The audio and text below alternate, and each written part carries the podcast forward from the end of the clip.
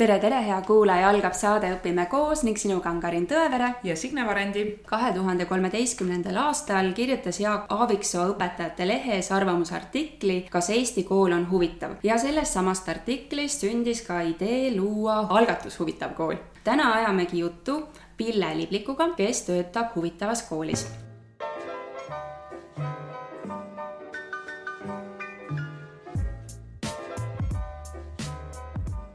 tere, Pille. tere päevast. kus sa, Pille, tegelikult siis töötad? tegelikult ma töötan ju kahe tuhande kolmeteistkümnenda aasta veebruarist Haridus- ja Teadusministeeriumis ja ma olen üldharidusosakonnas asejuhataja, aga minu põhiline tegevusvaldkond on riiklikud õppekavad ja täpsemalt riiklike õppekavade arendamise protsessi juhtimine ja ka nende rakendamise protsessi juhtimine. ja kui nüüd tõmmata side minu põhitöö ja algatuse Huvitav kool vahele, siis algatus Huvitav kool võikski olla väga peenelt öeldud, et see on üks instrument või vahend, mida me pakume koolidele, et nad meil kehtivaid riiklikke õppekavu rakendaksid maksimaalselt hästi, maksimaalselt loovalt, innovaatiliselt ja kõik need teised sõnad, mis, mis sinna juurde käivad. aga enne seda olid sa ise ka õpetaja, sa töötasid vene keele õpetajana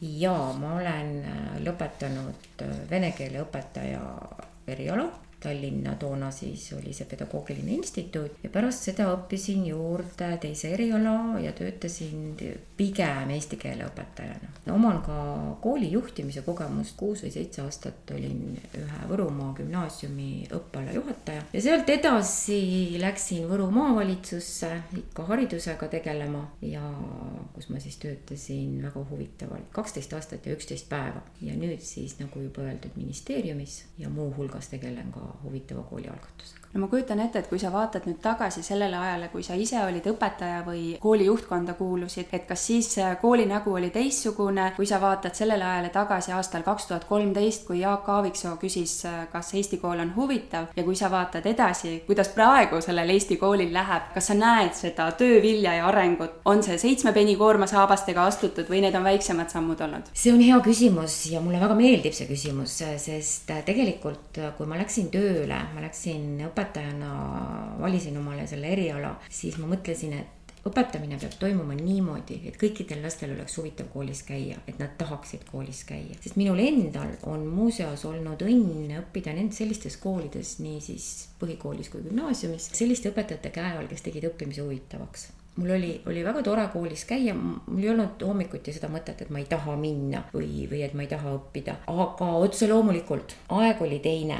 Ja kui ma siis läksin üheksakümnendate alguses, kus oli ka ju väga-väga märgilise tähtsusega aeg, aasta oli üheksakümmend, kui ma õpetajana kooli uksest sisenesin, siis ma küsisin ka, et kas tõe endalt, et kas tõesti ei saa teha asju teistmoodi. on selge, et meil on olemas mingid teatud piirid, on olemas mingid teatud raamid, mis tulenevad õigusaktidest, mis tulenevad ühiskondlikust korrast, sellest, kuidas inimesed üleüldse mõtlevad, aga, aga kindlasti midagi sai teistmoodi teha ja miks ma sellest nii veendunult räägin, sest mul on hea meel kuuluda nende õpetajate hulka, kelle õpilased on valinud ka õpetajaameti ja on öelnud, et suur suures osas on nad saanud mõjutust ka minu eeskujust, et no mis saab olla ühele õpetajale suurim rõõm. ja milline tunnustus. ja milline tunnustus ja seetõttu oli mul väga hea meel, küllaltki ootamatult tuli see, ma mäletan hästi selgelt, kahekümne kolmanda augusti Õpetajate Lehes kaks tuhat kolmteist haridusministri artikkel ilmus, see oli ühtaegu ehmatav, aga teisipidi ka on väga hea, kui kõrge poliitik esitab sellise lihtsa küsimuse. me räägime sageli haridusest niisuguste kõlavate sõnadega ja deklaratiivselt, aga lihtsate küsimuste esitamine, see nõuab suurt julgust ja see nõuab suurt vastutust. ja veel keerulisem on siis hakata sellele küsimusele vastust otsima, kas õppimine võiks olla huvitavam, kas Eesti kool võiks olla huvitavam ja mõelda, et äh, kelle roll siis on kaasa rääkida või hakata otsima vastust sellele küsimusele. ja kui sa enne küsisid, et äh, missugust vahet äh, ma näen nüüd ütleme siis aasta üheksakümmend, kaks tuhat kolmteist ja noh, peatselt saabub kaks tuhat kakskümmend, siis vahe on hästi suur ja vaatamata sellele, et viimased seitse aastat on lühemad olnud kui eelnevad kakskümmend aastat, siis muutused, mis Eesti hariduses on toimunud, need on, toimuvad nii pöörase kiirusega, et paraku, paraku meie seal ministeeriumis ei pruugi kõikidele muutustele isegi mitte reageerida või järele jõuda, mis koolides on juba rakendunud. Ja selle üle on eriliselt hea meel, et Jaak Aaviksoo küsimus ei olnud nagu ühest küljest tühjast kohast võetud ja ta ei kukkunud ka söötis pinnasele. meil on koole, kes olid ammu oodanud võimalust näidata mida kõike toredat ja huvitavat Eesti koolides tehakse. ja loomulikult on meil selliseid koole, kus äh, tõenäoliselt veel kogu õppeprotsess käibki nii, nagu siis, kui ma esimest korda kooli uksest sisse astusin. aga, aga see on täiesti loomulik ja see on niisugune, nagu ma ise armastan öelda, et kaussi kõver töötab alati. selles on ühes otsas kakskümmend protsenti, teises otsas kakskümmend protsenti ja me peame lihtsalt olema nii targad, et need inimesed, kes selle kõvera peale jäävad saaksid siiski parima, sest iga inimene on ära teeninud selle, et ta saaks parima hariduse, et tal oleks iga päev sama põnev, nagu minul oli minu kooli ajal. aga kas sulle tundub, et see Jaak Aaviksoo artikkel, et, et see ei olnudki rünnak kellegi vastu, vaid see oligi selline väljakutse kogu, kogu Eesti rahvale tegelikult. rahvuslik haridusstrateegia oli see sõna, mis käima läks, et, et meil kõigil on sõnaõigus, me kõik saame avaldada mõtteid ja, ja noh, koos sünnivad hoopis, hoopis põnevamad ja loovamalt läheneme kõik kõigele. kaasas see nagu rohkemaid inimesi, et teil on ka ju huvitaval koolil on oma nõukogu, oma mõttekoja, tulid inimesed väljaspoolt süsteemi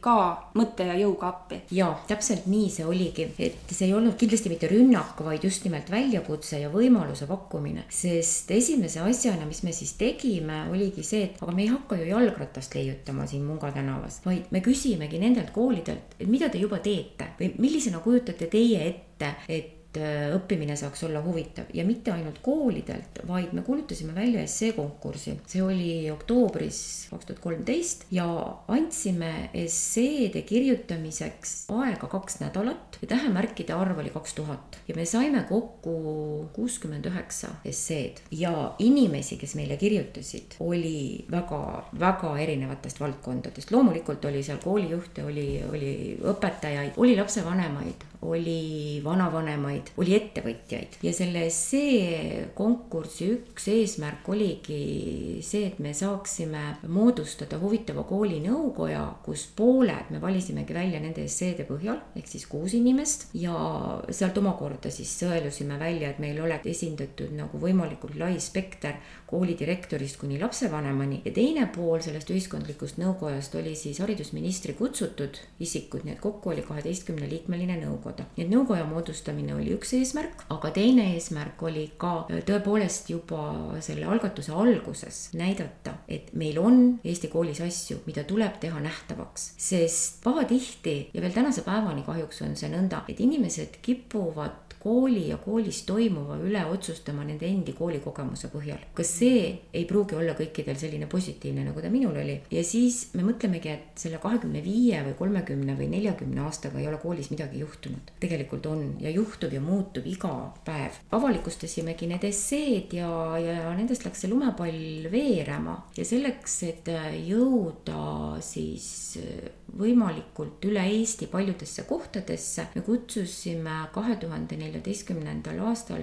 sügisel ellu regionaalsed mõttekojad. Ja nendesse mõttekodadesse kutsusime siis kohalike inimeste abiga niimoodi proportsionaalselt võrdselt osalejaid, et selleks, et igaüks saaks laua ümber oma sõna noh, oma mõtte välja öelda ja teist kuulata. me olime sunnitud osalejate arvu piirama kuue-seitsmekümnega ja nõnda, et meil olid esindatud iga laua ümber koolidirektor, kohalik ettevõtja, õpetaja, õpilane, lapsevanem, koolipidaja. Ja siis eraldi veel mõnes kohas olid noorsootöötajad, noh huviharidusega tegelejad välja toodud, et sellised sihtgrupid. Ja nende sihtgruppidega me oleme siis äh, töötanud läbi selle seitsme aasta, kellega rohkem, kellega vähem. Ja nendes mõttekodades kindlasti ei võtnud seda rolli endale, et nüüd inimesed tulevad kokku ja hakkavad esitama ootusi, mida kõike riik võiks nende jaoks ära teha, vaid vastupidi, nendest mõttekodadest läksid inimesed ära teadmisega, et nemad ise saavad kanda vastutust. võtta mingisuguse tegevuse, millega siis rikastada oma koolielu, kas sa oled siis ettevõtja, kas sa oled noorsootöötaja ja tegelikult vähetähtis ei ole ka mitte õpilase ja õpetaja enda panus. läbi nende mõttekodade me siis ühelt poolt andsime selle sõnumi, et igaüks saab teha koolielu huvitavaks. Ja teisipidi suunasime ka inimesi edasi tegutsema. ja ongi hästi tore see, et see oli Saaremaal, meil toimus see mõttekoda ära, see oli mais ja sügisel nad alustasid siis õppeaastat samalaadse mõttekojaga. Ja juba siis konkretiseeritult ühele koolile, mida siis meie kooli kogukond saab teha. ja selliseid näiteid on veel ja veel, näiteks Põltsamaa piirkonna näide on, on ka suurepärane, kus siis valla haridusnõunik võttis, küsis veel seda metoodikat, et kuidas neid asju kirja panna, mis, mis seal aruteludest tulid, sest noh, väga lihtne on tulla kokku rääkida, võib-olla isegi kipume hädaldama asjade üle, selle asemel, et pakkuda lahendusi. aga lahendused on ja see on, see on hästi vahva. see oli siis nüüd niisugune remark nendele mõttekodadele ja tegelikult on küsitud ka seda, et kui nüüd vahepeal on toimunud mingisugused muudatused, kuidas me saaks siis nüüd äh, algatusel Huvitav kool teada anda, mis meil toimunud on. noh, üks võimalus on see, et jooksvalt on meil see kommunikatsiooniplatvorm olemas läbi sotsiaalmeedia ja blogi, aga me ei ole matnud maha, meil ongi see mõte, et äh, uuel sügisel viia läbi mitte nüüd küll kümme, aga võib-olla natukene vähem mõttekodasid teatud, äh, teatud piirkondades. ehk just siis nimelt tagasivaatavalt sellele, milliste ideede ideedega läksid inimesed lahku näiteks oktoobris kaks tuhat neliteist ja mis sealsamas piirkonnas võiks siis toimuda oktoobris kaks tuhat kakskümmend. ja meil on kavas siduda see, need uued mõttekojad siis meie loodava haridusstrateegia eesmärkidega. milliseks need eesmärgid nüüd kujunevad, on täna veel vara rääkida, aga, aga põhimõtteliselt see siht meil on. algatus Huvitav kool, nii nagu ma ennist ütlesin on nagu ühelt poolt pakub innustust, et koolid kasutaks kõiki neid võimalusi julgelt, mida õppekava neile annab, aga teisest küljest, kui nüüd veel vaadata hariduspoliitilisi dokumente, siis meil on praegu kehtiv Eesti elukestva õppe strateegia, mis tõsi küll hakkab peatselt lõppema ja millest johtuvalt me uut strateegiat koostamegi, siis ka elukestva õppe strateegia rakendustööriist on samal ajal see algatus Huvitav kool, nii et ja elukestva õppe strateegia ju ütleb ometi, et kõikidel inimestel peavad olema võrdsed võimalused haridusele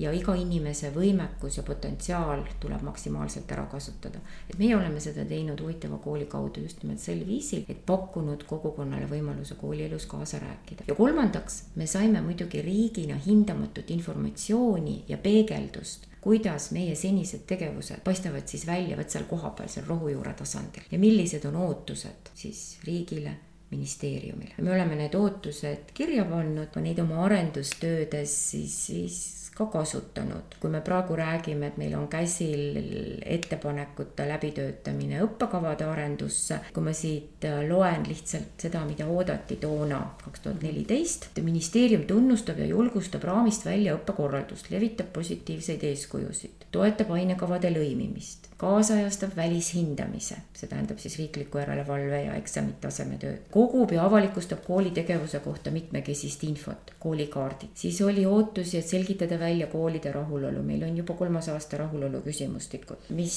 minu arvates nende näidete põhjal peaks olema tõestatud, et me mitte lihtsalt ei kogunud mõtteid ja ei pannud neid mm. sahtlisse. päris mitu linnukest sai sinna taha teha, et on justkui nagu tehtud või siis noh, tegemisel, et, et protsess äh, käib. selle õppekava arenduse koha pealt ma tahaks öelda, et meil on siin olnud saateid erinevate koolijuhtidega ja kõik on väga kiitnud seda, et see uus õppekava on, ongi olnud selline paindlik ja avatud, et see on selles mõttes laiendatav igale ühele. jah, eh, kas nad peavad silmas nüüd seda praegu kehtivat õppekava, mida ka veel nimetatakse uueks -hmm. või siis neid uusi arendusi, millesse meil tegelikult väga paljud õpetajad on ju kaasatud. noh, inimeste hulgas need tööversioonid on aineühenduste hulgas on levinud ja ma arvan, et need uuendused, millega meil on plaanis välja tulla, et need annavad veelgi rohkem seda õppekorralduslikku vabadust ja, ja vähem niisuguseid sooritustele suunatud õpitegevusi ja õppekorraldust no nii, aga see on see tagasivaat nii-öelda siis selle huvitava kooli algusaastatele ja praegusele. kas huvitav kool ja see nõukogude tegevus ja see jätkub? Te lähete edasi, et ei ole nii, et saame vastata, et jah, Eesti kool on nüüd huvitavaks muutunud, me oleme need linnukesed ära teinud ja nüüd on see algatus lõpetab tegevuse, vaid, te jätkate edasi? ja vastus on see, et äh, me jätkame ja me oleme terve viimase aasta kaalunud, kuidas jätkata, sest iga asi ammendab ennast paratamatult mm. ja püüda ühte või kahte korda samasse vakku või samasse jõkke astuda, see ei ole mõistlik, sest juba maailmas toimuvad nii suured muutused. ja peale selle on meil kujunenud väga hea koostöö nii Tallinna Ülikooliga kui Tartu Ülikooliga selle algatuse raames ja nii mitmelgi korral ja mitmegi küsimuse arutelus me oleme mõlemad ülikoolid ühe laua taha võtnud ja, ja, ja mõtisklenud ka huvitava kooli tuleviku üle ja praeguseks on meil tõesti plaan selline, et Tartu Ülikool, Haridusuuenduskeskus on valmis võtma üle äh, huvitava kooli noh, nii-öelda kaubamärgi ja selle juurde kuuluvad tegevused, visiooni, missiooni, mitte alustada kindlasti nullist. Ja Tallinna Ülikool on avaldanud valmisolekut siis olla neile nii-öelda omakorda partneriks. Ja kui me siiamaale oleme rääkinud just nimelt sellest algatusest ja, ja selle raames toimuvast võtmesõna all huvitav. Ja ma tulen pärastpoole tagasi huvitavus erinevatele osapooltele, siis eh, nüüd juba viidates tulevikuvaatele ja seostele uue haridusstrateegiaga, siis me pigem võtame võtmesõnaks heaolu. Ja see on nüüd ka hästi tundlik sõna, sest see võib nagu mõneti samastuda sellesamaga, et huvitav kool, oo, see on tingel-tangel tulevärk, eks ju, et nagu koolis üldse õppima enam ei peakski, aga mitte heaolu selles primitiivses mõttes, et kõigil on koolis hea ja fun olla, vaid see, et äh, haridus loob tuleviku heaolu. haritud inimene kujundab haritud Eesti tulevikku ja see omakorda mõjutab nii minu kui tänase õppija või õpetaja tulevast heaolu, aga ka nende inimeste heaolu, kes mind siis ümbritsevad, kui ma olen juba ühel hetkel tööturul või kui ma õpetajana professionaalselt arenen. heaolu peaks olema huvitava kooli märksõna siis järgmisel, järgmisel perioodil või ütleme siis järgmisel viiel aastal. et kaugemaks nagu selliseid tegevuskavasid me teha ei söanda, ehk jah, meie strateegia vaatab juba viisteist aastat ette. aga, aga mis puudutab tegevusi, siis oleme kaalunud, et nendest me loobuda ei taha, ehk siis parimate praktikate praktikate jagamine, sest meie kaks suurt äh, sündmust ongi olnud ju sügiskonverents ja kevadised nii-öelda sõsarüritus on parimate praktikate päevad ja need on olnud ülipopulaarsed. ma olen ise ka täiesti meeldivalt hämmingus. konverentse meil toimub ju päris palju erinevates mm. valdkondades, aga üldhariduse konverentsid, mis siis nüüd on olnud meil huvitava kooli nime all ja mille kõrval varasemalt olid ka välishindamise aastakonverentsid, mis ka olid ülipopulaarsed. see näitab, et üldharidusega seotud inimestel on vaja omavahel kokku saada, rääkida rääkida asjast, jagada kogemusi, osaleda töötubades ja et see, kui see on vajalik, siis siis peab seda tegema, siis ei saa panna lihtsalt ust kinni. ja loomulikult on Tartu Ülikoolil ka omad niisugused ettepanekud või mõtted, mis ei ole küll veel nagu lõpuni küpsed, aga mille märksõnaks on siis võrgustike võrgustik. sest me ei saa tänapäeval enam teha asju isoleerituna. Eesti koole ei ole kunagi enam kapseldunud. see aeg on paratamatult möödas ja kõige paremas mõttes. kui me näe, vaatame, kuidas äh, koolid käivad üksteisel külas kuidas toimub õpetajate vahetused, kuidas toimuvad õpilaste vahetused. no hea näide on näiteks äh, Narva piirkond või ütleme siis Ida-Virumaa ja Lõuna-Eesti, mis äh, viib juba välja sinna keelekoolitusele ja riigikeele paremale oskusele, siis äh, võrgustikud on nüüd see märksõna, mis on kindlasti tulevikus suuremat tähelepanu vääriv ja, ja mis omandab järjest enam tähtsust. ja võrgustiku mõiste on kindlasti see, millest võib-olla ka teie oma tulevastes saadetes, millele te võiksite tähelepanu pöörata, sest mis vahe on koostööpartnerlusel ja võrgustikul, see on nüüd lausa Euroopa Komisjoni tasandil ära defineeritud ja, ja see on, see on päris põnev, et me, see lihtsalt ei ole see, et me saame kokku üheks projektiks, vaid et meil on üks eesmärk, mille nimel me töötame, me võime tegeleda selles võrgustikus igaüks oma koolis, see võrgustik võib olla aine- või valdkonnapõhine, ta võib olla regionaalne, aga, aga just nimelt sellest kaugemast sihist sõltub. ja, ja neid võrgustikke on meil tekkinud ju Eestisse üksjagu, meil on ju erinevaid liikumisi, alustavat õpetajat toetav kool, meil on liikuma kutsuv kool, meil on ettevõtlik kool. Neid on tohutult palju. kuidas kõik need võrgustikud panna nagu niimoodi toimima, et nendest oleks maksimaalne kasu ühele koolile, ühele õpetajale, ühele õpilasele just sellel hetkel, kui seda kasu on vaja, kui seda abi ja tuge on tarvis. ülikool on võtnud selle oma järgmise perioodi või meie algatuse järgmise perioodi missiooniks ja ma arvan, et see on väga oluline. sa ütlesid ka, et teil on nagu sellist neli osapoolt, et kogukonna kaasamine, professionaalne õpetaja, optimaalne õppekava, toetav välishindamine. et kui sa annad nüüd selle nii-öelda lähte stardipositsiooni tulevikku viieks aastaks, milline osapool on jäänud kõige vaeslapse rolli, et kõige, kellega peaks kõige rohkem töötama, kellega võib-olla tagasi hoidma või kom kommenteerid sa kõiki? rohkem äh, oleks tahtnud tegelikult jõuda lapsevanemateni, kes on osa kogukonnast ja seda päris mitmel põhjusel, sest äh, ühelt poolt on tänased lapsevanemad väga teadlikud oma õigustest, siis tuleb aeg-ajalt neile meelde tuletada, et neil on ka teatud kohustused ja lapsevanem ei ole professionaal, nii nagu on õpetaja. samas lapsevanem tunneb kõige paremini oma last, vähemalt see peaks niimoodi olema. ja kui siin mul on hea meel välja öelda see mõte eetri vahendusel, et kui me aeg-ajalt õpetajatena kipume nurisema lapsevanemate noh, ütleme siis liigagaruse üle, siis me ei tohigi hetkekski unustada, et tänased lapsevanemad vanuses kolmkümmend viis on needsamad, kes meie lapsed, meie õpilased olid kakskümmend viis aastat tagasi. ehk siis me ise õpetajatena oleme kujundanud ju tänased lapsevanemad. Ja kui meile seejuures miski ei meeldi, siis me peame mõtlema tänaseid lapsi õpetades et ka nendest saavad kahekümne aasta pärast lapsevanemad, et me siis oleksime selle tulemusega rahul,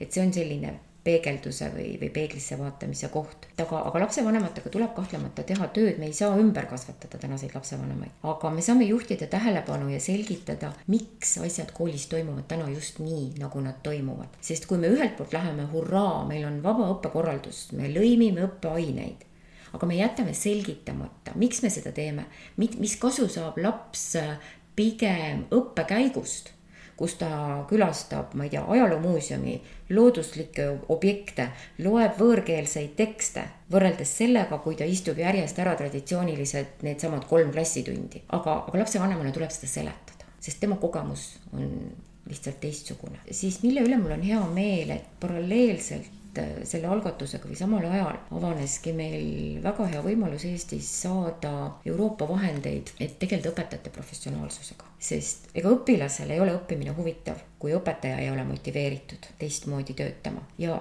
sageli isegi me üle ekspluateerime seda sõna, et töötada teistmoodi. no, no mis mõttes siis teistmoodi? küsimus on selles, et milliseid meetodeid me kasutame. Kas me näeme ka selliste traditsiooniliste loenguvormis frontaalküsimuste ja rühmatööde kõrval veel mingisuguseid variante? kas ma õpetajana äh, selle projekti töö annan lapsele või, või mitmele õpilasele teha kui tüütu kodutöö või ma ütlen, et aga see on äge sa saad sellest seda ja seda kasu, ehk siis see kunst motiveerida. Ja ega meil nagu ilmaasjata ei ole huvitava kooli definitsioonis äh, ei sisaldu fraas. huvitavas koolis kasutatakse erinevaid motiveerimise allikaid ja võimalusi. kui üks ei tööta, siis, siis võtan teise, aga ma pean selleks olema õpetaja professionaal, et suuta ära hinnata, mis parajasti kelle puhul mõjub ja, ja siit omakorda me jõuame selleni, et sellisteks mõtisklusteks, keda, millega, kuidas motiveerida, peab õpetajal olema aega. ja, ja siit me jõuame omakorda selleni, miks me räägime, et me õppekavas peame sisulist mahtu vähendama. mul oleks mitte ainult noh, kolmkümmend viis tundi, mis selle ühe kursuse moodustavad, iga tund uus teema, nagu see paraku mõnes õppeaines on, vaid et mul ongi aega õpilastega arutleda maailma asjade üle ja siis ma saan paremini aru, mis neid motiveerib ja ja sama ajapuudus on ka koolijuhil, et ta jõuaks siis oma hoolekoguni, kogukonnani ja nii edasi. ja õpilase puhul ilmselt see on üks keerulisemaid sihtgruppe, sest seal on seitsmeaastased kuni üheksateistkümneaastased. kui laps tuleb selle loomuliku uudishimuga kooli, me, väga lihtne on ühest küljest öelda, et õpetaja on see, kes seda uudishimu hoidma peab, ta peabki seda hoidma, aga, aga seal kõrval on nii palju kõrvaltegureid, vanuseline areng, huvid väljaspool kooli, nii positiivsed kui paraku ka negatiivsed, mille kõigega tuleb arvestada. ja, ja selleks ka, et selle kõigega arvestada, ongi vaja taaskord õpetajal aega, et, et iga õpilaseni jõuda. üks mõte, mis on mulle tulnud selle algatuse ja oma töö käigus viimasel ajal, on see, et me räägime, et me peame hoidma lapse loomulikku uudishimu, aga me peame hoidma ka lapse usaldust sest laps usaldab loomult täiskasvanut, ta usaldab oma vanemat, ta usaldab oma õpetajat. kui ta on õpetajaga mingil põhjusel konflikti läinud, siis järgmine usaldusisik on klassijuhataja, siis on õppejuht, koolidirektor ja seda usaldust ei tohi kuritarvitada. nii et usaldus peaks olema ka üks tulevikus toimiva kooli märksõna usaldus inimeste vahel. ja lastevanemate usaldus kooli just, töötajatele, kõikidele, et kui meile antakse nii palju vabadust õpetajatena õppekava raames toimetada, et siis lapsevanem usaldabki, et ma teen õiged valikud seal. aga usaldus ei tule pimesi täiskasvanud inimeste puhul. Ja siis ongi see, et me peame tegema koolis toimuva nähtavaks mis ongi olnud algatuse missioon. mis minule võib-olla siin ongi tundunud kohati, et kui neid algatusi tuli nii palju järjest kogu aeg, justkui tekkiski selline ülekoormatuse tunne, et jälle mingi uus asi, kust küsitakse mu käest, et mida ma teen, et ma pean igale poole nagu mm -hmm. justkui kogu aeg põhjendama, et laske mul nüüd tööd teha, et ma panustan lastesse aega, mitte sellesse, et jälle mingi kuskil aruanne või kommentaar või, või midagi sellist mm -hmm. teha, aga tegelikult jah, aru saada, et meil ongi vaja see nähtavaks teha.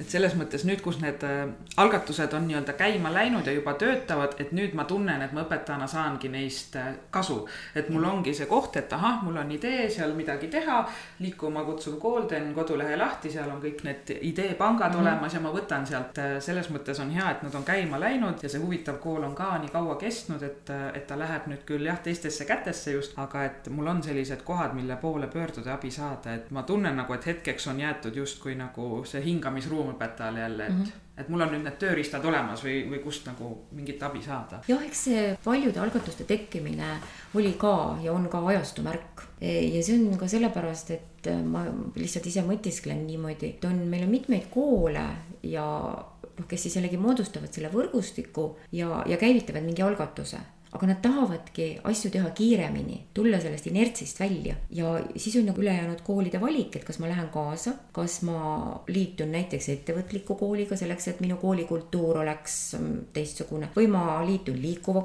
liikuma kutsuva kooliga, mis üks-kumbki ei välista üksteist. Ja sugugi oluline ei ole see, et igas koolis oleks nüüd kõikvõimalike mõeldavate algatuste taha tehtud linnuke või programmide taha, ühinenud, ühinenud, ühinenud. Mm, -hmm. vaid mis on just nimelt meie koolile kasulik me ülikooliga oleme ka mõelnud selle üle, et kaardistada ära kõik praegu Eestis toimivad need erinevad algatused ja programmid. koolivägivalla kohtagi on juba vähemasti kaks, kui mitte kolm tegelikult on rohkem, nüüd hooliv kool ja salliv klass ka veel juurde võtta, siis on neid ikka üksjagu. mis on nagu minu koolile tähtis, et kuhu ma pöördun ja selle üle peab mõtisklema mitte ainult direktor vaid noh, kogu koolipere, noh ennekõike muidugi siis pedagoogid, et sõltub sellest, mis, missugust arengut me, arengutõuget me vajame. et see hetkel jah, kui vahepeal tundus, et olles selline ikkagi püüdlik ja tekkiski tunne, et tahaks nagu igale poole linnukese teha, et me ju kõike teeme, et, et mitte ainult jääda sinna ühte asja kinni, vaid et näidatagi, et kui super me kõik oleme, et kui sa mm -hmm. usud oma kooli ja sa näedki, et, et me teeme siin nii head asja, et siis ja tulevad need algatused ja sa justkui ei ole seal see liige, et siis nagu, et, et me ei teeks nagu seda, et me ju tegelikult teeme -hmm. et võib-olla jah, siit see noh, mahavõtt. et seda frustratsiooni ei tohi lasta tekkida selle tõttu et ma ei suuda igal pool osaleda,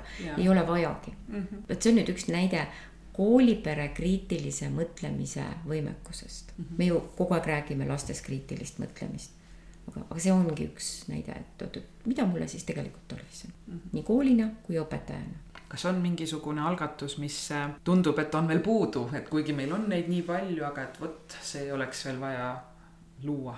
ma arvan, et puud Tartu ei ole, sest äh, mis on koolis nagu kõige olulisem, on õppekeskkond, õppimist soodustav õppekeskkond, mis on, mille loomine on tegelikult iga kooli, iga õpetaja kohustus seadusest tulenevalt.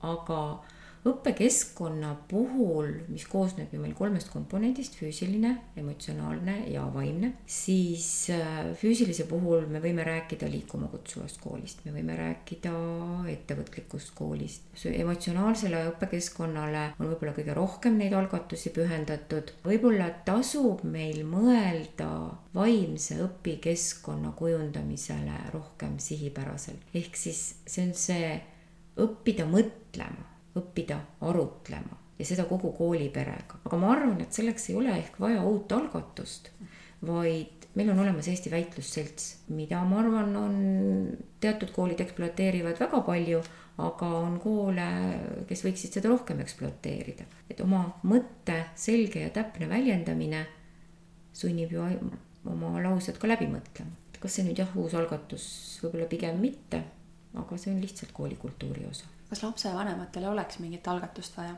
ma arvan, et lapsevanematele ei ole vaja algatust kui sellist.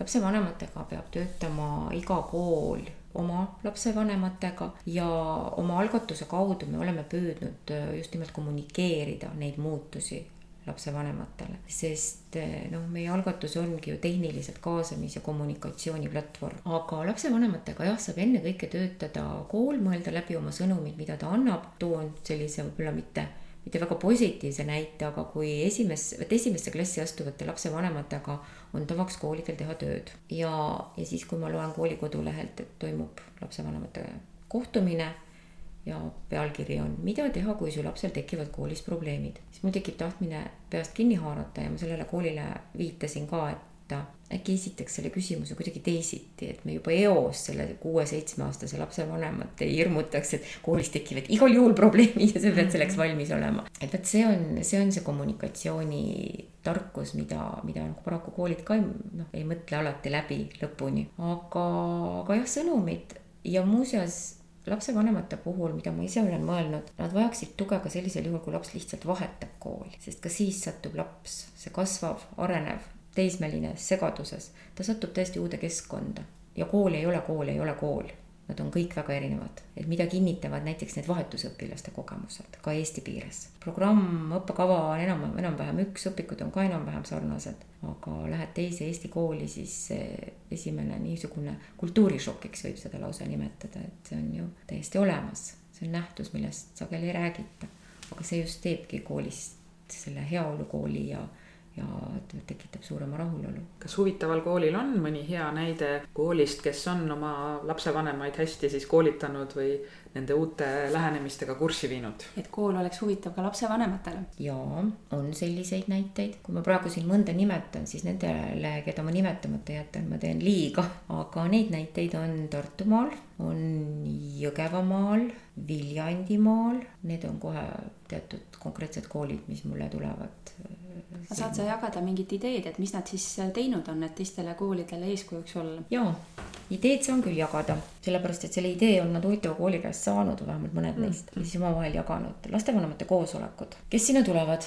Aktiivsed lapsevanemad. just, e, millest seal e, räägitakse, noh, teemad on tavaliselt ära planeeritud ja nüüd on kõige tähtsam küsimus, kuidas räägitakse. E, on koole, kes meil on loobunud lapsevanemate koosolekutest sellises loengustiilis, tuleb ette koolidirektor ja räägib ühte-teist, vaid nad on lapsevanemad, lastevanemate koosolekud viinud ka selliste mõttekodade ja arutelude formaati ja teemad aruteludeks on nad eelnevalt korjanud kokku kas siis õpilaste käest, õpetajate käest või lapsevanematelt endilt hoolekogu kaudu. ja otse loomulikult ma lähen kohale, kui arutelu all on see teema, mis mind huvitab, mis mind kõnetab ja ma saan kaasa rääkida ja ma tean, et äh, ma pakun ka lahendust. ehk siis see aktiivne kaasamine see on, see on, see on väga oluline ja sellega saabki tegeleda just nimelt iga kool, seda saab koolis teha kooliastme kaupa. ei pea hõlmama tervet kolme kooliastet ja mõnel pool veel gümnaasiumi, sest probleemid, mis on esimeses kooliastmes ja küsimused on erinevad nendest, mis on gümnaasiumis. see on väga lihtne,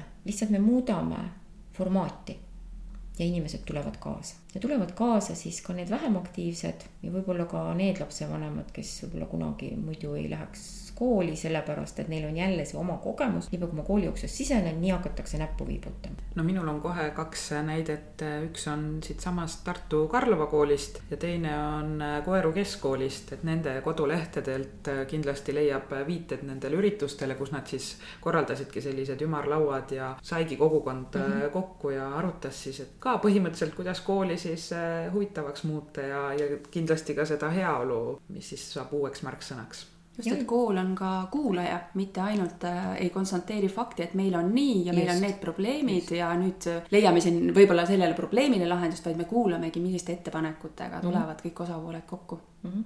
ja ta mitte ainult ei konstateeri fakti, et meie teeme nii, vaid ka ütleb, miks me nii teeme mm. -hmm. me mõtleme, et äh, õpetajatena, et me teeme hirmus huvitavalt oma tunnid, me oleme loovad, ägedad, toome, ma ei tea, digiseadmeid, noh, see on nüüd sihuke viimane märksõna ja kõike mm, -hmm. kõike, kõike, et kas tänapäeva laps hindab seda, et noh, tema ju ei tea, mis oli kümme aastat tagasi, kuidas meie õppisime, et kas tema jaoks päriselt on see huvitav või see arvame. kõik see areng, noh, lihtsalt see, et meie arvame, et see on huvitav, sest aga noh, lapse jaoks on ju kõik see, tal puudub see minevik, ta ei tea seda ja kõik see teadus ja kõik, kõik areneb nii kiiresti, et noh, et äkki me oleme kogu aeg maas lapse jaoks, et me tegelikult ei ole huvitatud, kas keegi mõõdab seda, on seda uuritud, mõeldud?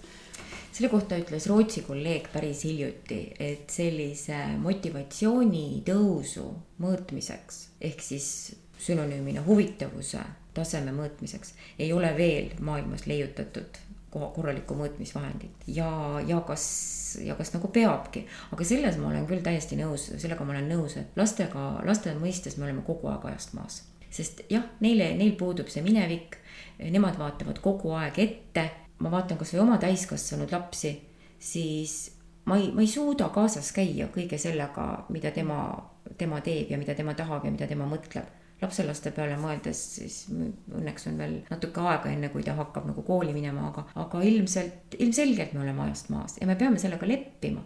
aga siis ongi mõnikord tarvis võtta aeg maha ja küsida, et aga mida teie tahate ja noh, meil kritis-, kiputakse kritiseerima seda, et oot-oot, kas me nüüd hakkame õpilastelt küsima, et kuidas õpet korraldada ja nii edasi, tulebki küsida.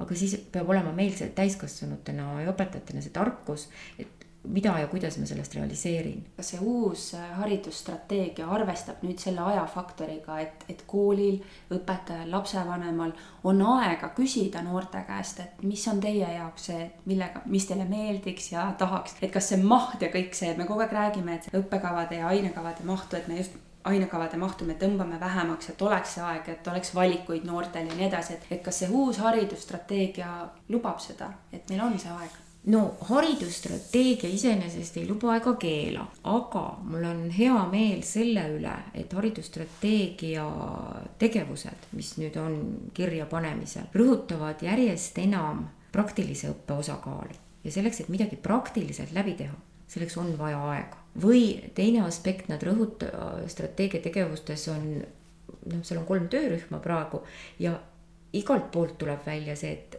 tagasiside andmine peab olema teistsugune. kujundavat hindamist ellu viia või siis anda õppimist ja arengut toetavat tagasisidet, siis see ei saa käia kolmekümne sekundi jooksul tunni lõpus või mis veel hullem vahetunnis, vaid selleks peab olema aega. ehk siis nende tegevuste realiseerimiseks peavad olema vahendid, mis võimaldavad aega ja me tahame, et õppekava kui üks nendest vahenditest, mis mõjutab paratamatult ka koolikorraldust ja koolikultuuri et, seal sees oleks see aeg. Mille vastu ma olen küll nagu suhteliselt tõrges, kui meil lihtsalt nagu loobitakse selliseid lauseid, et vähendame õppekava mahtu ja siis, kui ma hakkan küsima, et aga mida me siis nagu tegelikult vähendame, et võtame niimoodi saja seitsmekümne viiest päevast nagu mõned päevad maha või, või, või võtame mõnelt ainelt tunde vähemaks. ja siis me lõpuks jõuame sinnamaale, et, et sisu on see, mis vajab revideerimist. et kas see, mida me täna õpetame, on ka ülehomme vajalik või viie aasta pärast. ja me täna ikkagi õpetame paratamatult väga palju seda, millega oli midagi peale hakata viis või viisteist aastat tagasi, aga tulevikus enam ei ole. et äh, ja sinna peab tekkima see ajaline maht. et kui minevikus oli asja, olid asjad nii, nagu õpetaja ütles ja veel paarkümmend aastat tagasi, siis täna käib, käivad lapsed ringi, sa ei jõua veel ju tunnis oma lauset lõpetada, kui pilt sinust või salvestus levib üle maailma selle noh, need on kõik pisiasjad, mille peale me peame mõtlema ja millele me peame laste tähelepanu juhtima. stiilis mõtle enne kui jagad või, või kuidas need on, et selles mõttes on vastus jah, et strateegia loob äh, senisest suuremad võimalused selliste ajaliste raamide lisamiseks.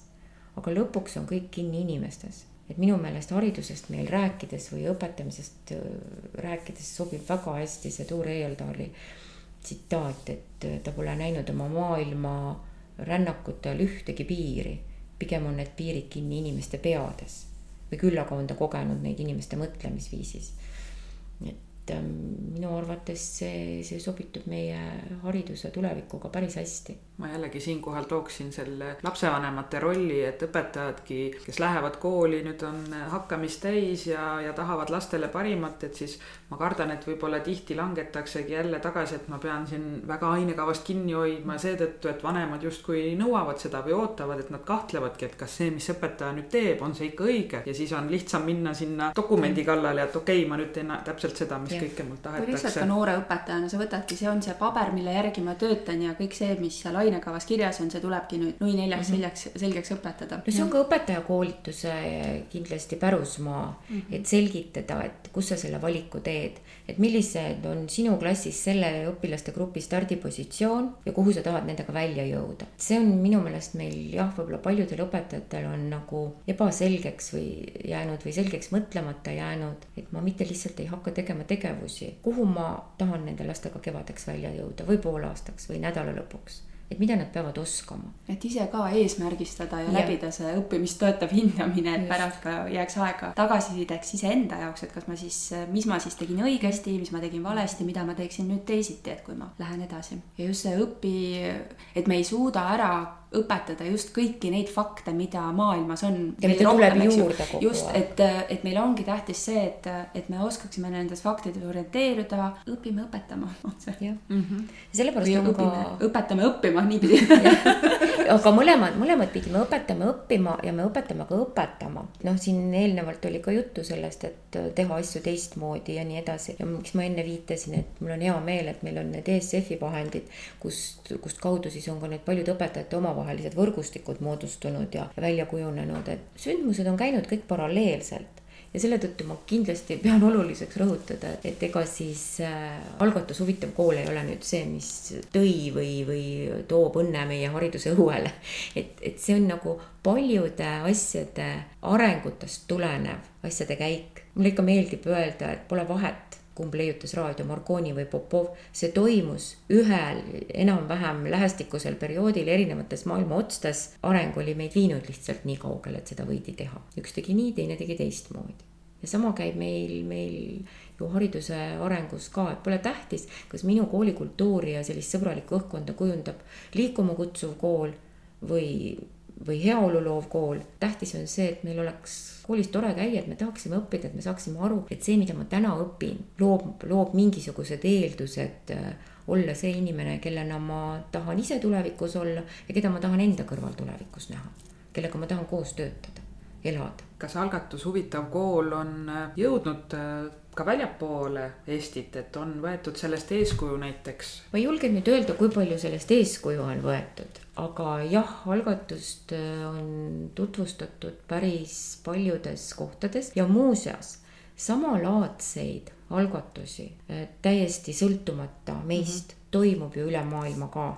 Jaapanis on üks teadaolevalt siis, mis keskendub ka sellisele kogukonna kaasamisele kooliellu, siis on Kanadas Ontario provintsis ja just nimelt selle mõttega, et koolis toimuvad sellised muutused, need, nendest tuleb rääkida ja siis omakorda saada tagasisidet. aga jah, meie algatust äh, on küll, ma olen käinud ise tutvustanud ukrainlastele Gruusias, Kasahstanis, Euroopa Komisjonis suisa oli üks äh, töötuba, kus ma siis sellest äh, rääkisin ja just nimelt keskendusingi sellele kogukonna kaasamisele. ja kas äh, sellelt ringreisilt on siis Huvitav kool ka ise saanud äh, veel selliseid uusi mõtteid, et mida veel juurde tuua või mida ka näiteks ära jätta, et millele ei oleks vaja keskenduda? seda, mida ära jätta, mitte ainult nendelt, ütleme siis noh, välismaistelt ringreisidelt või sisemaistelt kohtumistelt mm. -hmm. seda tegelikult ei ole, sest äh, siin on küll jah, erinevad siuksed pusletükid, mis on nagu erinevatele sihtgruppidele suunatud,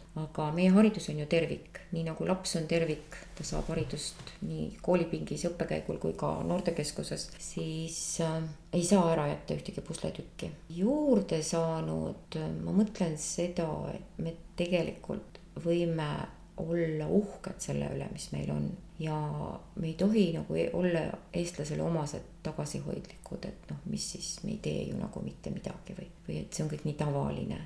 ja me peamegi oma asjadest rääkima ja meid kuulataksegi. ma arvan, et see teadmine on väga oluline. kas see erinevad osapooled, lapsevanemad, õpilased, õpetajad, koolijuhid, kõik, kõik, kõik, et kui kellelgi on mingisugune idee või mõte, aga, aga ta ei, ei tea, kuhu sellega minna, et kas ta saab teile kirjutada? Saab küll kirjutada ja küllap me siis leiame, kuhu selle ideega minna, sest noh, ministeerium on ju tegelikult noh, poliitika kujundaja ja, ja mitte, mitte rakendusüksus, aga tänu noh, sellele algatusele ja sellele informatsioonile, mis selle kaudu on tulnud. mul on olnud täiesti selliseid olukordi, kus mingil koolil on mingi juhtum, ta küsibki kohe, et kas on sarnast juhtumit olnud, et kuidas seda nagu päriselt koolielus lahendatakse sest noh, ma olen seitse aastat reaalsest koolielust eemal olnud, ma annan endale aru, et noh, ma ilmselt ei suuda nagu kõiki, kõiki nüansse ei pruugi tabada, aga siis ongi võimalus suunata mingi kolleegi juurde.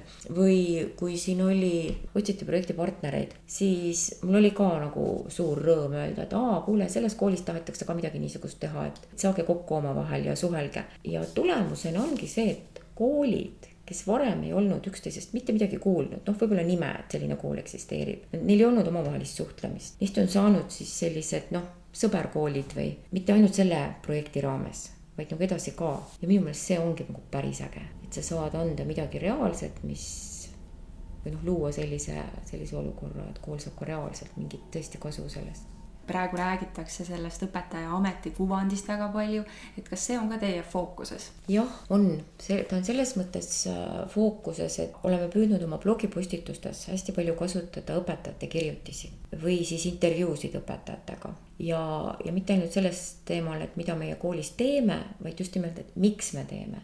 et see, et näidata, et õpetaja, pühendunud õpetaja töötabki oma õpilaste tuleviku nimel mitte noh, lihtsalt teha tegevusi tegevuse pärast või et täita mingit õigusakti või, või seda järgida. aga õpetajatega on jälle see häda, et nad hirmus palju teevad, aga nad ei kipu sellest eriti kirjutama. ja sest, ja see, sest see nõuab oma aja ja ei ole väga lihtne. aga seda enam on hea meel nagu, kui pöördud koolidirektori poole, et kuule, et sul on koolis mingi selline vahva sündmus toimunud, et kirjuta ja siis varsti tuleb sealt koolist hoopis õpetajate artikkel. ma sain õppdirektorilt korralduse.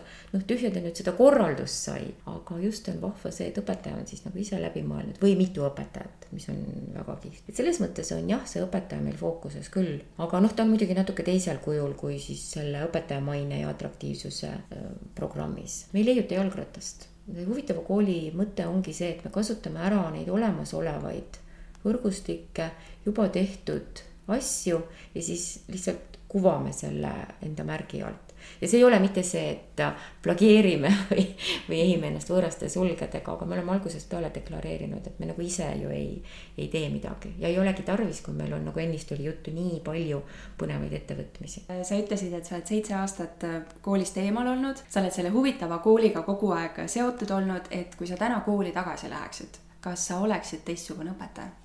Ma oleksin täiesti alustav õpetaja. sest kui täpne olla, ma olen isegi kauem koolist eemal olnud, kahe tuhande esimesest aastast. ma ilmselt käituksin nagu täiesti algaja õpetaja, sest äh, nende tarkustega, mida minule ülikoolis õpetati, kahtlemata on midagi peale hakata, aga neid tuleb väga tõsiselt revideerida ehk ma toon siin selle paralleeli, et kui ma kasvatasin oma lapsi ja nüüd ma kasvatan oma lapselast, siis minu vanaemade tarkused, noh, teatud asjad toimivad, aga elu on läinud nii palju edasi, et see on ikka uskumatu. ja ei ole alust arvata, et, et koolis see ei ole samamoodi. alates kõikidest nendest digividinatest ja vahenditest, mida muidugi ei pea kasutama, aga, aga võiks.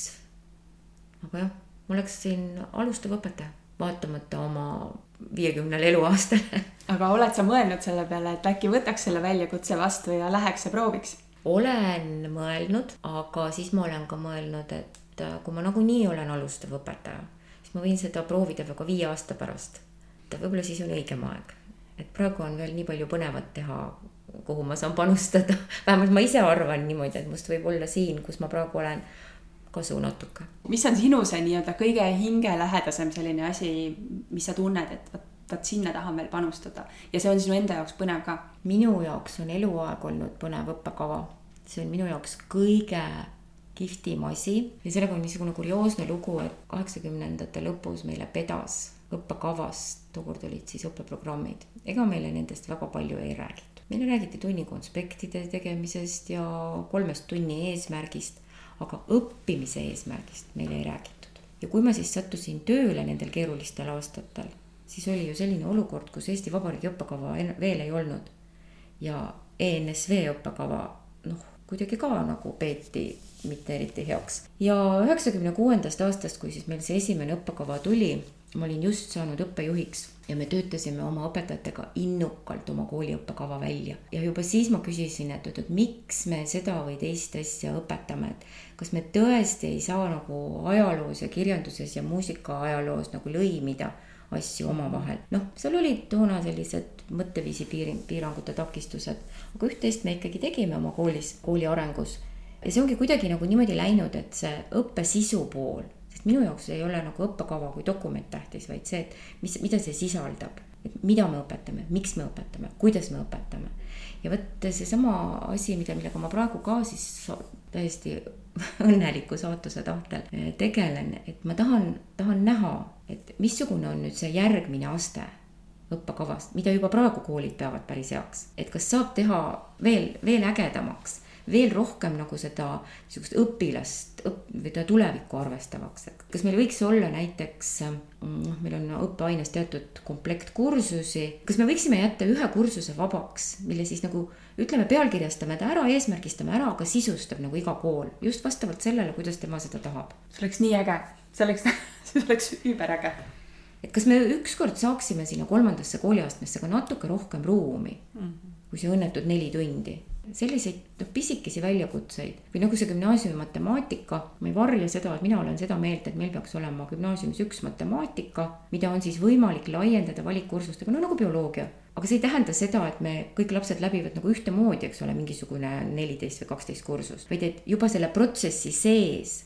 on selliseid valikuid. ma olen sellist, sellist õppekavamudelit näinud, see on Singapuris täiesti olemas mida on võimalik kohandada meie koolile, meie gümnaasiumile kas see on siis selline, et umbes, et algebra on eraldi, geomeetria on eraldi, et või kuidas sa seda matemaatikat näed? noh, teatud mõttes jah, on, et algebra, geomeetria, aga, aga sinna juurde igale sellele algebrale on võimalik panna veel oma valikkursused. et noh, mingi gümnaasiumi põhitõed, mida nad peavad omandama, aga et, et see ei oleks nagu lineaarne, see ainekava, vaid et ta oleks pigem selline hargnev. aga näed sa, et sellel on tulevikku, ükskõik kellega me räägime, see matemaatika on pinnuks silmas, seesama õppekava maht, see on pinnuks silmas, tahaks anda neid valikuid, et gümnaasiumis on justkui noorel esimest korda võimalus, et valida õppesuund või valida valikaineid, aga tegelikult ta ei oskagi valida, sest mm -hmm. tal eelnev kogemus puudub.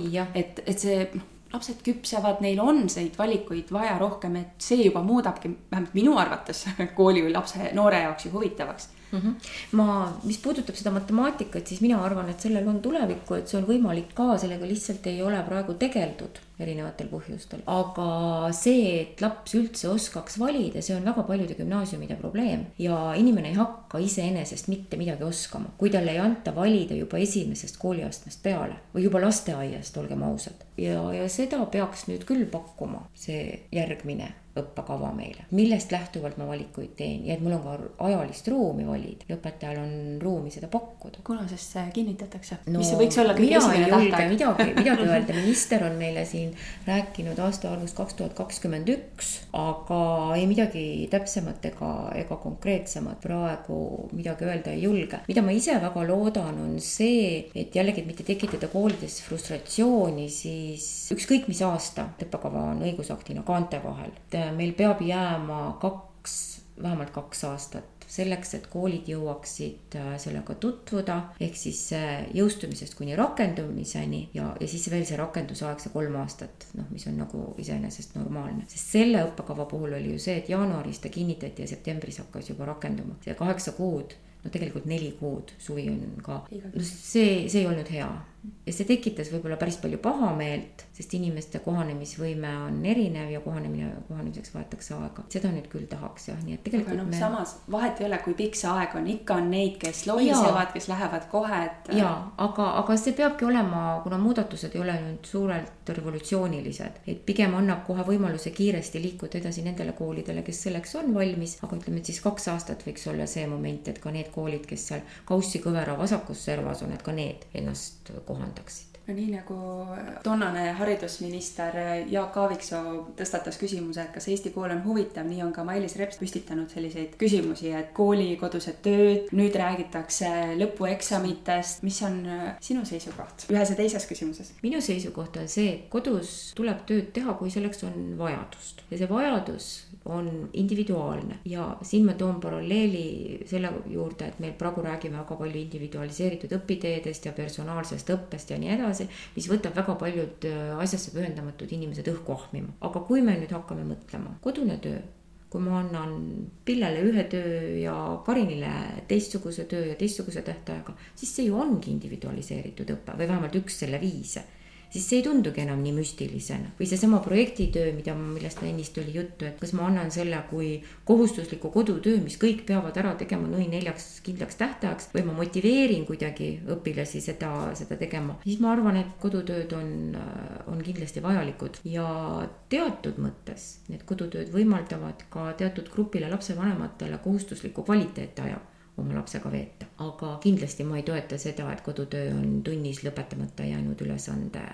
ärakirjutus. aga näiteks võõrkeele sõnu tuleb kodus õppida, teisiti ei ole võimalik ja noh, algklassi õpetajana ma ütlen, et lugemist peab kodus harjutama, ainult tunnis äh, ei, ei, ei saa. ole võimalik just ja sellepärast tuleb lugeda. Ja samamoodi tegelikult tuleb ka kodus, ma ei, ma ei pea nüüd silmas, et kas lausa algklassis, esimeses klassis kirjutada, aga kriipse tuleb vedada, geomeetrilisi kujundeid võiks vedada, sest see peenmotoorika vajab kogu aeg. Ja lapsed ju nii ehk teisiti joonistavad ja värvivad, annamegi neile siis kodutööks värviraamatu, aga homme ära tee enam üle serva, mis siis, et sul eile juhtus? Mm, -hmm. sest see on kõik arendamise, lapse arendamise küsimus, aga mis puudutab eksameid, siis tähendab, riik peab saama mingi mingisugust informatsiooni eh, selle kohta, kuidas on õpilastel õppimine edenenud ja mitte iga üksiku õpilase kaupa ja ta peab saama ka informatsiooni, mida õppekavas on siis vaja muuta. ja mul on hea meel, et meil praegu on suund sellele, et kolme noh, nii-öelda kahe pluss ühe põhikooli kohustusliku lõpueksami asemele tulevad siis need nii-öelda kõrgeskoorilised või kõrge tähtsusega tasemetööd, mis võimaldavad saada tagasisidet ka nendes ainetes, mis praegu on nii-öelda vaeslapse ossa jäänud, nagu ajalugu või bioloogia või, või võõrkeel, mida küll õpilased valivad, aga me nagu riigi tasandilt ei saa sinna infot, siis see on päris tähtis. loomulikult on oluline eesti keel ja matemaatika aga mulle meeldib see, et meil on jätkuvalt sees loovtöö et seda ei ole plaanis äh, kuhugi ära kaotada. ja loovtöö puhul ka on väga vahvad, on need koolid, kes alustavad kaheksanda klassi loovtööks õpilaste ettevalmistamist esimeses klassis, sest ükski oskus, nagu juba enne öeldud, ei tule iseenesest. ja siis ei tundu see loovtöö nii müstiline ja kole, et kui ma juba esimeses, teises kooliastmes olen ju ka teinud selliseid asju aga selle loovtööga mulle tundub, et see müstilisus ja koledus võib-olla on õpetajate jaoks. et äh, lapsed tegelikult teevad seda rõõmuga, sest see on nende huvist lähtuvalt ja, ja nad tegelikult teevad selle mahukamaks nagu õpetajate hirmuks ka, et maht on nii suur, et, et ei jõua läbi töötada, aga lapsed mhm. tõesti töötavad innuga selle, selle ja. asja kallal, et äh, minu meelest võiks äh, iga õppeaasta lõpus olla üks väike loovtöö, mis võtab mm -hmm. seob kokku need erinevad ained ja tegelikult näitab võib-olla palju rohkem ja mille kallal laps töötab ka huviga edasi mm -hmm. nagu tunduvalt no,. meil Forseliuses on äh, juba algklassidest peale ongi aastas loovtöö, aga me teeme alguses äh, terve klassiga koos, et selline mm -hmm. nagu ühine suur projekt ja, ja ei ole mingit pinget seal äh, just. taga, et, et hästi vahva mm -hmm. idee. see on nagu orgaaniline osa mm -hmm. kooli või noh, õppimisest. kas sul on hea mõte või nipp, et siin Tartus on need ühiskatsed märts ja siis on äh, koolis, äh, põhikooli õpilastes on selline motivatsiooni langus on üheksakümmend üheksa protsenti ja mhm. siis tuleb see lõpueksam. et kuidas seda korraldada niimoodi, et gümnaasium teeb siin kuidagi koostööd, ma saan aru küll, et gümnaasium tahab oma asjad komplekteerida ja mm -hmm. suvi läheb kiireks, et mingi hea lahend sellele? no kui päris niimoodi natukene idealistlikult läheneda, siis selleks märtsikuuks peaks olema ju, vot see, kui me räägime ka õppekavade arendusest, et see sisuline maht peaks olema selline, võiksid olla selleks märtsi vaheajaks siis juba selle põhilise läbinud ja võib-olla see viimane osa õppeaastast peaks olema pühendatud siis mingitele teistele või täidetud mingite teiste õpetamisviisidega ja õppimisviisidega. olgugi selleks samaks mingid loovtööd või õppekäigud või siis ka kooliaasta jooksul õpitu demonstreerimine. noh, see võiks olla nagu üks, üks lahendus. teine asi on ka see, et see kommunikatsioon ja milles need katsed seisnevad, ma täpselt ei tea nende katsete sisu, aga, aga need katsed võiksid pigem olla mitte niivõrd keskenduda ainult sellistele, võib-olla nad keskenduvadki mitte ainult aines õpitule, vaid ka üldpädevuslikele harjumustele ja kujunemisele. mäletan seda, et kui mina olin õppejuht, jällegi ei ole üldse viisakas rääkida kahekümne aasta taguseid lugusid, siis meie korraldasime ka katset gümnaasiumisse sisseastumiseks ja meil oli see katse niimoodi, et seal oli eesti keel, matemaatika, võõrkeel ja oli selline üldarendav test ja meil jäid mõned lapsed gümnaasiumisse nii-öelda nimekirja lõppu just nimelt selle testi mitteläbimise tõttu. seda, see oli päris valus vanematele selgitada, sest vanemad ei saanud aru. matemaatika lahendab eesti keelt, komad paneb õigesse kohta, sõnavaliku teeb ka, eks ole, võõrkeeles täidab lüngad. mis mõttes te ei võta teda gümnaasiumisse vastu? ei no me muidugi võtsime, aga noh, see andis meile pildi, missugune on see seltskond, kellega me, kellega meil tuleb sügisel tööle hakata. paraku paljud õpetajad ei leppinud või noh, ei saanud sellest aru et me olemegi selle, selle suuna võtnud, et ma arvan, et need tänased sisaldavad ka selliseid harjutusi, ülesandeid, küsimusi, mis on suunatud just nimelt sellele, et ta annab selle gümnaasiumisse pürgijate üldpädevusliku profiili, et me saame, saame ülevaate. ja see omakorda peaks olema ka sisendiks siis nendele põhikoolidele ma loodan, et Tartu gümnaasiumid annavad tagasisidet põhikoolidele, et kus need vajakajäämised on, vähemalt sellest on olnud juttu.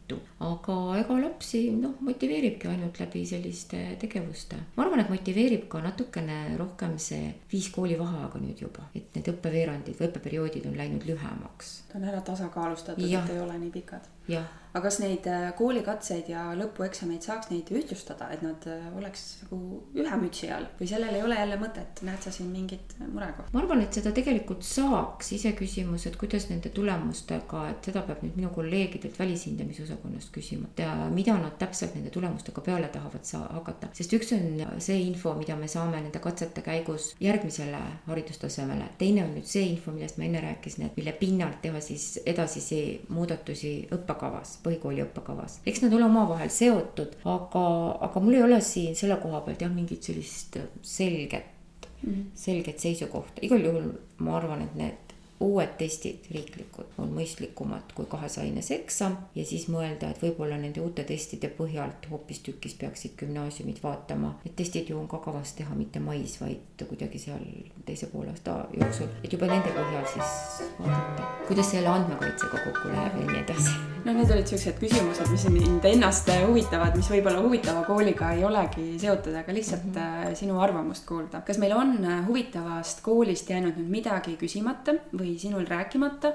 ma vist ei ole, kui ma tõesti saan kinnitada, et me oleme huvitava kooliga suutnud mõjutada koole oma uksi avama selle kõige metafoorsemas mõttes, ka kõige olulisemas mõttes, siis mul on selle üle olnud selle üle ongi väga hea meel. me täname sind, Pille, et sa jagasid meiega huvitava kooli ja iseenda lugu. seda oli väga põnev kuulata, aitäh sulle. no vahva, kuulge, aitäh kutsumast. kui sinagi said koos meiega täna uusi mõtteid ja inspiratsiooni, siis anna taskuhäälingule hoogu juurde. likei, jaga ja kommenteeri meie postitusi sotsiaalmeediakanalites kui soovid taskuhäälingut Õpime koos toetada, siis täname sind annetuse eest MTÜ Tartu Loomemaja arveldusarve kontole. kõik vajalikud lingid leiab saate kirjeldusest